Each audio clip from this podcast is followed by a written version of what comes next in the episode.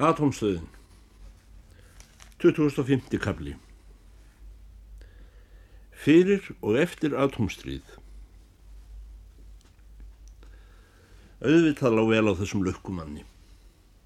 Hann var að vinna við blóm sín með brett upp að orðunboga og moldur um hendur, planta rósum, grísja, sníða af vísin blöð, uppræta ílgresi ganga frá jarðveginum undir vetur.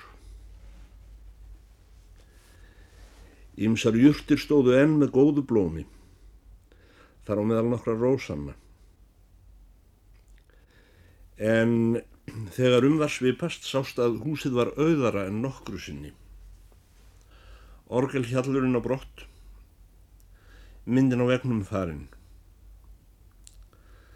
Að fráteknum blómum var lítið eftir nema þrýfætti sófinn sem slíka list þurfti til að þrýtja á. Komiði blessuð og sælsaði organistinn, hress og reyfur upp úr ljúfri önn dags síns, návist hans einsamann friðsall skjól og veriði velkomin. Hann strauk af sér moldina og um, rétti hlýja hönd, kisti mig og bauð mig velkomna til Suðurlands, sló mér gullhamra og hlóðað mér. Gerði svo að fá okkur sæti, kaffi verður heitt á svipstundu. Við letum tretöskuna mína undir fótalösa hornið á sófanum og settumst og hann hló að okkur fyrir að setjast á svona vondan sófa og sér að eiga hann. Og hvað er Kleopatra, saði ég. Kleopatra lagðist frá þegar móður mín dó, saði hann. Hún, held hún myndi kannski fá óorð af mér. Kleopatra var einlegt álitið smáborgaraleg í aðra röndina, þó hún væri mikil kona og Napoleon mikli mikil maður. Napoleon mikli, sagði ófemna lóriðlun hissa. Já, mikið var þú opnaður munnin verði eitthvað ábúðar mikil góði, sagði organistinn. Hvaða maður að segja þessari tíð, sagði ófemna lóriðlun. Þjóðin er glumsa. Eins og við ugla vorum að enda við að segja, fólk er svo saglust að það trúur ekki slíkt og því líkt sér hægt almúamenn hafi ekki gáður til að láta sér dætt annað þessu hug og við rétt nýbúnir að berjast í 700 ár. Er nærgöngult að spyrja um hvað þú sérst að tala góði, saði organistinn. Sæljaland, grafabein, saði ófemnalörður, hvað annar? Hvað er þetta börn, saði organistinn, vil ekki hafa hetjur? Já, það var okk, saði ófemnalörðurinn hetjur, ekki nema það þó. Maður sem hættir öllu fyrir málstafsinn með að segja orðstýrnum ef málstafur hans býður ósegur. Ég veit ekki hverju hetja ef ekki hann, saði organistin. Já, þá er kvistlingur hetja, saði ofennar Norreglann, því hann vissi frá upphafi að bæði myndi hann verða hengdur og Norregsmenn formæla honum döðum. Goebbels misti sex börn sín og konu sín á undan sjálfum sér heldur en lúta austrinu, saði organistin. Það er miskilningur að hetjuskapur eigi nokkuð skilt við þann málstað sem baristir fyrir. Við Íslandingar sem eigum mestar hetju bókmyndir í heimi ættum að vita hvað hetja er. Jómsvíkingar eru okkar menn. Þeir klemdust með þeir voru högnir. Við efumst ekki um að í herr fasista hafi verið tiltölulega jafnmargar hetjur og í herr bandamanna. Málstæðurinn breytir öngu um hetjuskapin. Ég fyrir mitt leiti álítið að íslenska þjóðin hafi eignast hetjur þessi síðustu dagur. Og ef þeirra málstæður skildi sigra, eru þeir hetjur jæmt fyrir því, spurði ófemnilega öðruðan. Það vitað er best sjálfur að aldrei verður, það hefur aldrei komið fyrir að þeir sigri sem selja land þeir sem byggja land sigra aðeins má ekki ruggla saman hetjuskap sem er óafstækt hugtak og fræð sigurvegarans Tökum Hitler, morðingi Evrópu. Hvorki seinni snemma í öllu morðverkinu flögraði að honum að gefast upp. Hann meira segja gifti sig í snörunni. Dolgurinn Göring bilað aldrei. Sumir haldið að hetjur séu einhvers konar hugssjónamenn og góðmenni eins og ég og þú. En ég segi ykkur satt ef við aðhyllumst slíka skoðun gæti svo farið að allar þær miljónir sem Hitler brendi í opnum sínum yrðu kallar hetjunafni eða jafnvel þær hundrað miljónir hvern og barna sem stektar verða við hjarnorkusprengjuna. En ef þessum hetjum skildi nú takast að myrða allir Íslandinga, saði ófemnarlagur. Herveldi er ekki lengi að breyta góðgerðastöð í kjarnorkustöð ef þarf.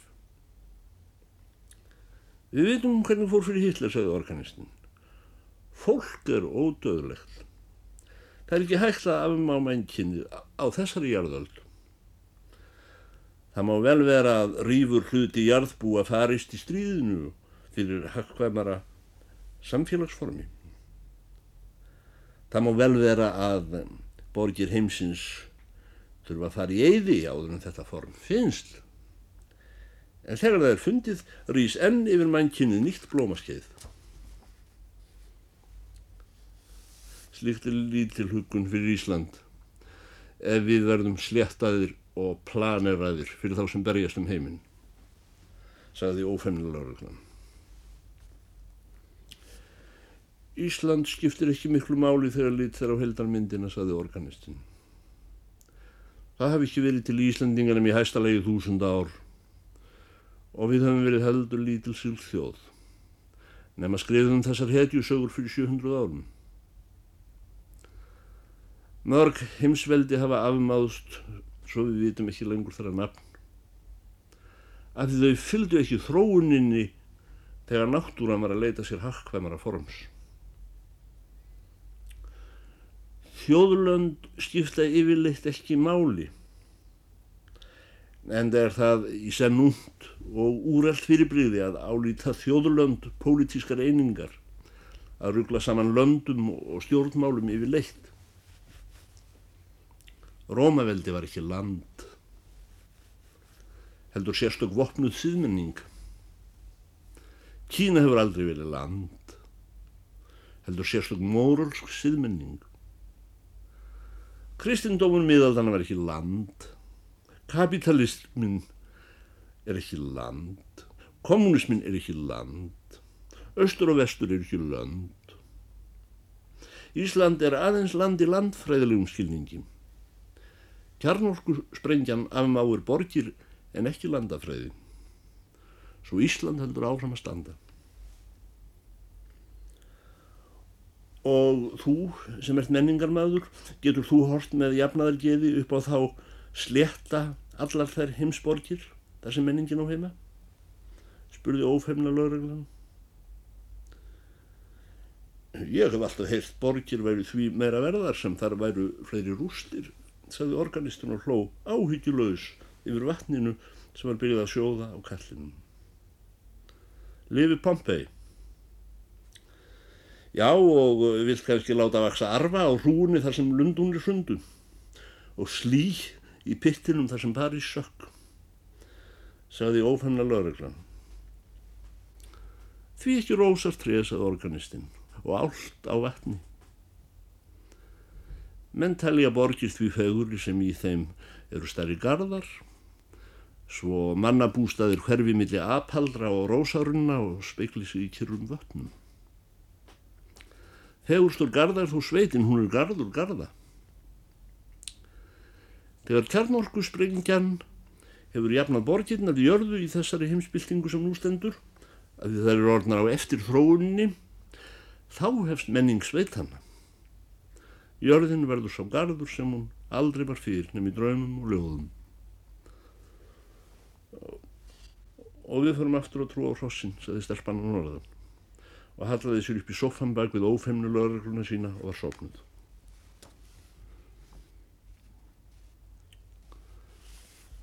27. kapli Auðafa húsið Það var löngu komin bjartur dagur Organisti minn var að ræsta stofu sína eftir moldarverkin, snöggklættur með skolpfötu og kúst. Ég vaknaði undir vetrafrakka hans.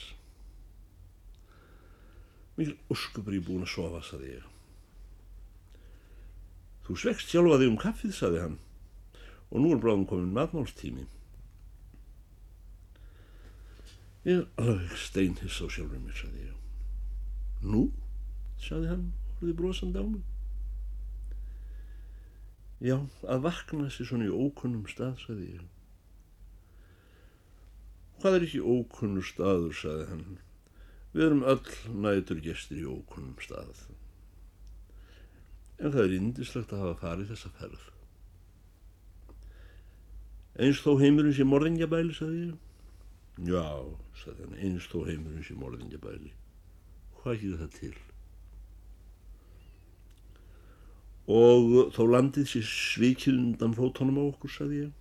Já, eins þó landið sér fótónum á okkur. Bjóstu við öðru? Ég er með mjölk í brjóstónum, sagði ég. Gáttu fram og haldi þér svolítið til áður með borðum, sagði hann. Hann hafði farið út og kipt mat með því svaf. Alls konar kræsingar í brefum egg í einu brefi, bjúa í öðru, harðfisk í þriðja, smjör, skýr, ljóma og einn stóran pakka sem ég held vera ost. Við sátum á eldursporðinu og letum fæturna hanga fram af og getum okkur á þessum kræsingum úr brefunum. Loks hvað ég upp úr og sagði Jæja, segðu mér nú, hvað hefur pildurinn minn gert af sér? Í okkar samfélagi er ekki til nema einn glæpur verulega hættulegur, sagði hann. Og það er að vera án og sveit. Þess vegna munu allar borgir heimsins rinja. En hann hafi köllun, sagði ég, eitt hvað hefur vakað fyrir honum. Já, það er eitthvað mesta slið sem komið getur fyrir sveitamann, sagði hann. Til dæmis maðurinn frá Orleans. Eru ekki allt í hennu frægir dýrlingar farnir að segja stúlku kindinni fyrir verkum meðan hún er að smala? Þó bjarga hún Fraklandi, sagði ég. Ég hef enga tróð því, sagði organistinn miskilningur frá rótum. Sagnfræðingar hafa fælt sönnur á að dýlingarnir sem töluðu voru personur úr uppdyktuðum kynjasögum frá miklagarði. Menn Guð sjálfur narraði þessa stúlkunni með því að láta hann að heyra rattir dýlinga sem enginn vissi betur en hann að aldrei höfðu verið til. Loks var stúlku tetrið brent af miskilningi. Það er ekkert eins hætturlega fyrir sveitamann eins og að fara að hlusta á himnaskar rattir. Ætlaði hann kannski að frelsa landið, spurði ég. Ó nei, sem betur fer fyrir mann úr rót en döðróta, sagði organistinn. Aftur á móti heyrði hann rött af himni sem segir við hann einu sinni þegar hann er að slá. Ef þú vilt verða manni, þá rítu suður strax og gerstu þjóður. Ég veit ekki betur en hafi komið söður til að gera slörgur þjótt, sagði ég. Í ettu segir að, að manna hver skuli meðalsnotur en æfa tilsnotur, sagði organistinn. Hann held að myndi best geta numið aðferðir imbróðsþjófa í lögreglunni. Sveitamenn og dýlingar og jafnvel Guð halda að imbróðsþjófar hafi eitthvað upp úr sér. Ég marg sannað honum í fyrra vetur að það veri miskilningur. Imbróts hljóðar hafa miklu minna upp úr sér en öskukallar. En norðlenska verslunarfélagið, spurði ég. Jú, auðvitað skildi jafn greindur og tónneður maður fljótt að fjármunir eru ofvel gemdi til þess að sveitamenn náið þeim með því að klifra inn um glugga á nóttinni.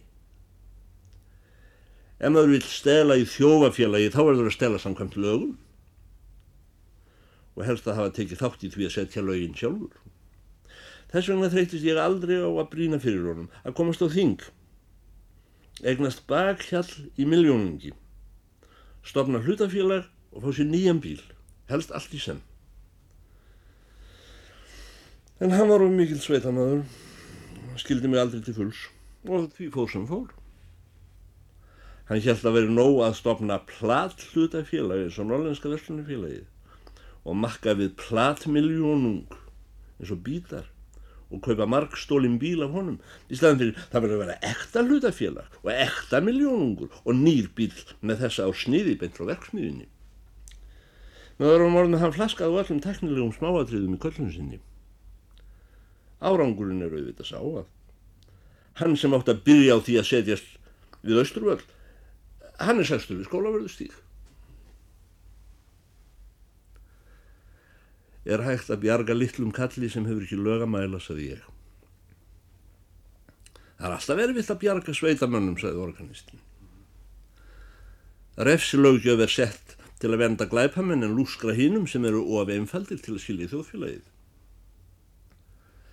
En þó að starf vinar okkar í aðri í eðlisínu við barnslugustu glæpi eins og imbrótstjófnað, þá er svo bátt í máli að Aðferð hans liggur ekki lengra en svo frá almennri verðnastarfsemi að það eru áhöldum hvort ekki veri móðgun við íms okkar betri menn að dæma. Í rauninni vandar hann ekki nema dálítið innan við 100.000 krónur til þess að vera laus.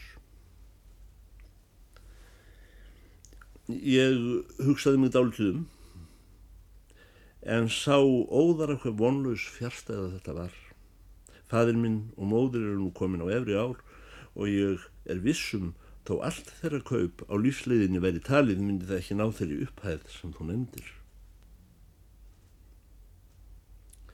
Finnst þér ekki rétt að svona maður fáið að prófa klöfsku sína og óráðþægni á sjálfsins skrokk, saði organist.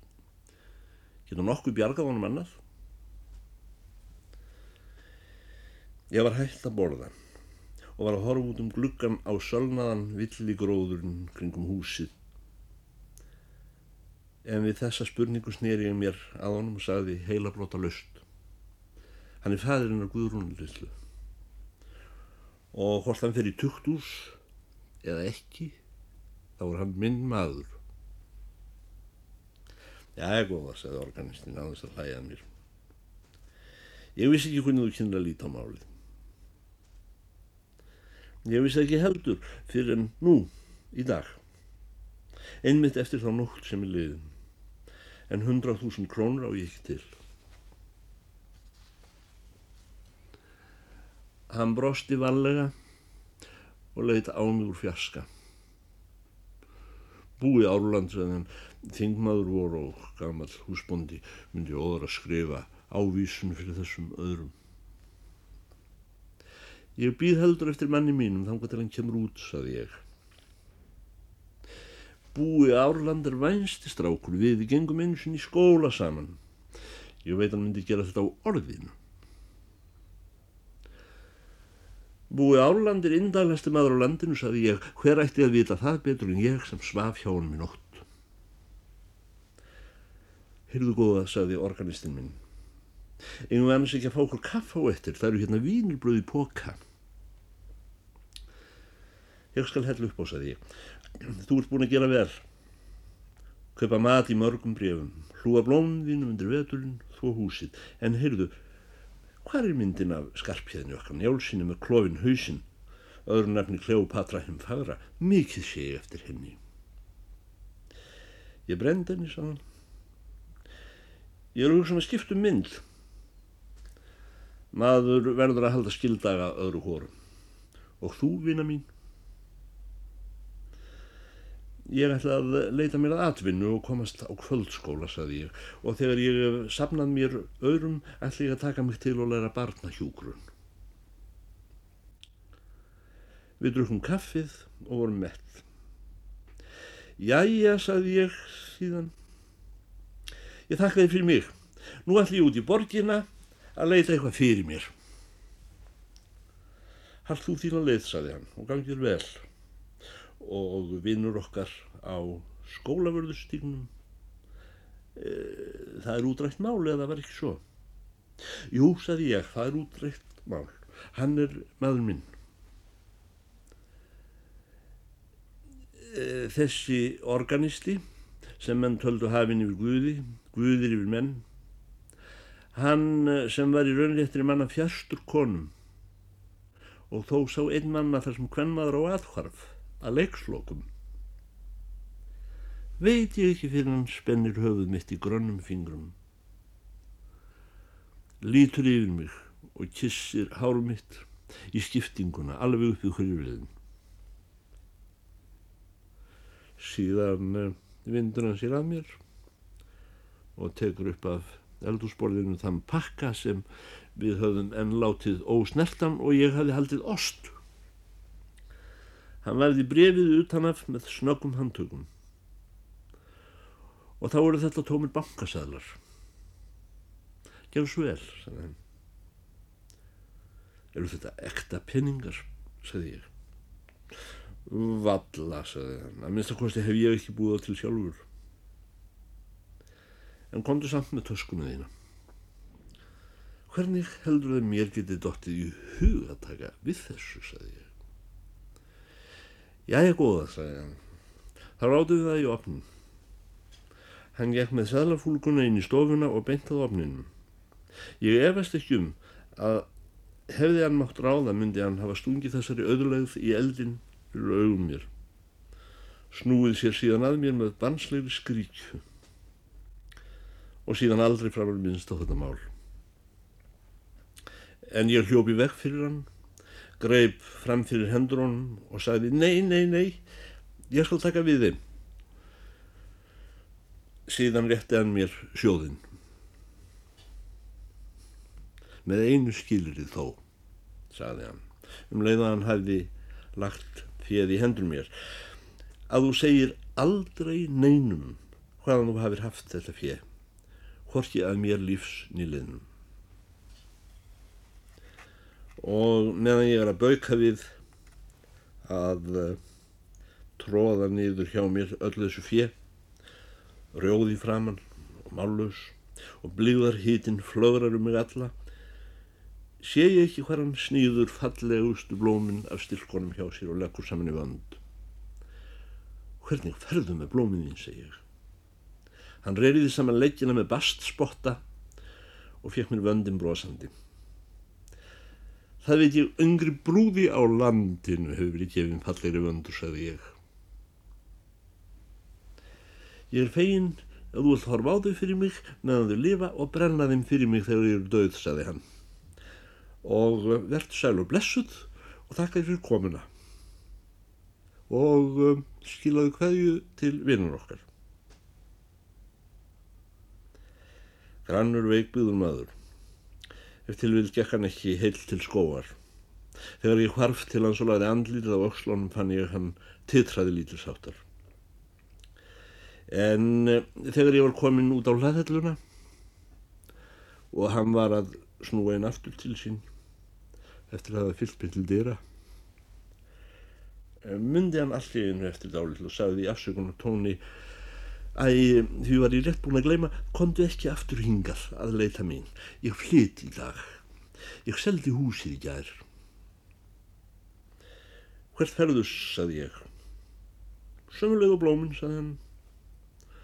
Og blóminn, saði ég, hver hugsaðum þau? Blóm eru ódöðuleg, saði hann og hló. Þú klippur þau höst og þau vaksa aftur í vor. Einhver staðar. 27. kapitúli Blómin ófegu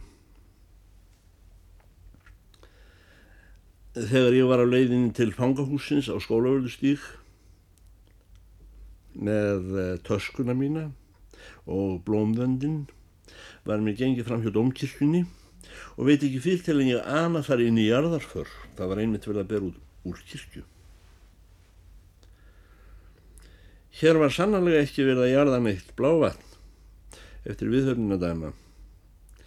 Því ég gæti ekki betur séð en þeir stórhauðingja landsin sem mér hefði lærst að þekka í sjón í fyrra, þegar ég opnaði fyrir þeim á nóttinni, væru hér aftur sapnaðir, hlættir hvítu og svörtu með pípahettin í hendinni. Forsættisráðarann og, hi og hinurráðarannir, mæðuveiki stjólinn, nokkri alþingismenn, heilsalar og dómarar, blígrái, sorglegi maðurinn sem gáð bladið, biskupannir, lísishörslustjórinn.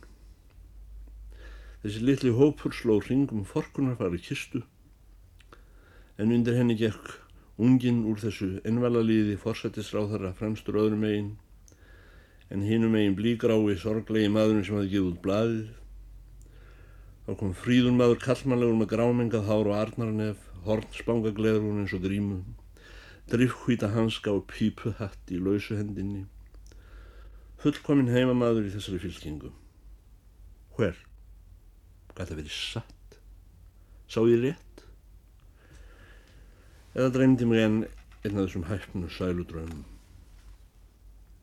Allt sem þú byður um skallt fá.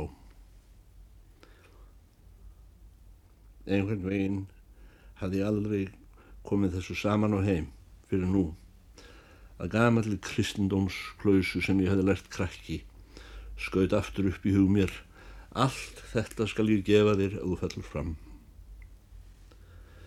Undraverðast við þessa hágöfu í arðarför var þó það að á eftir kistunni kom engin líkfylg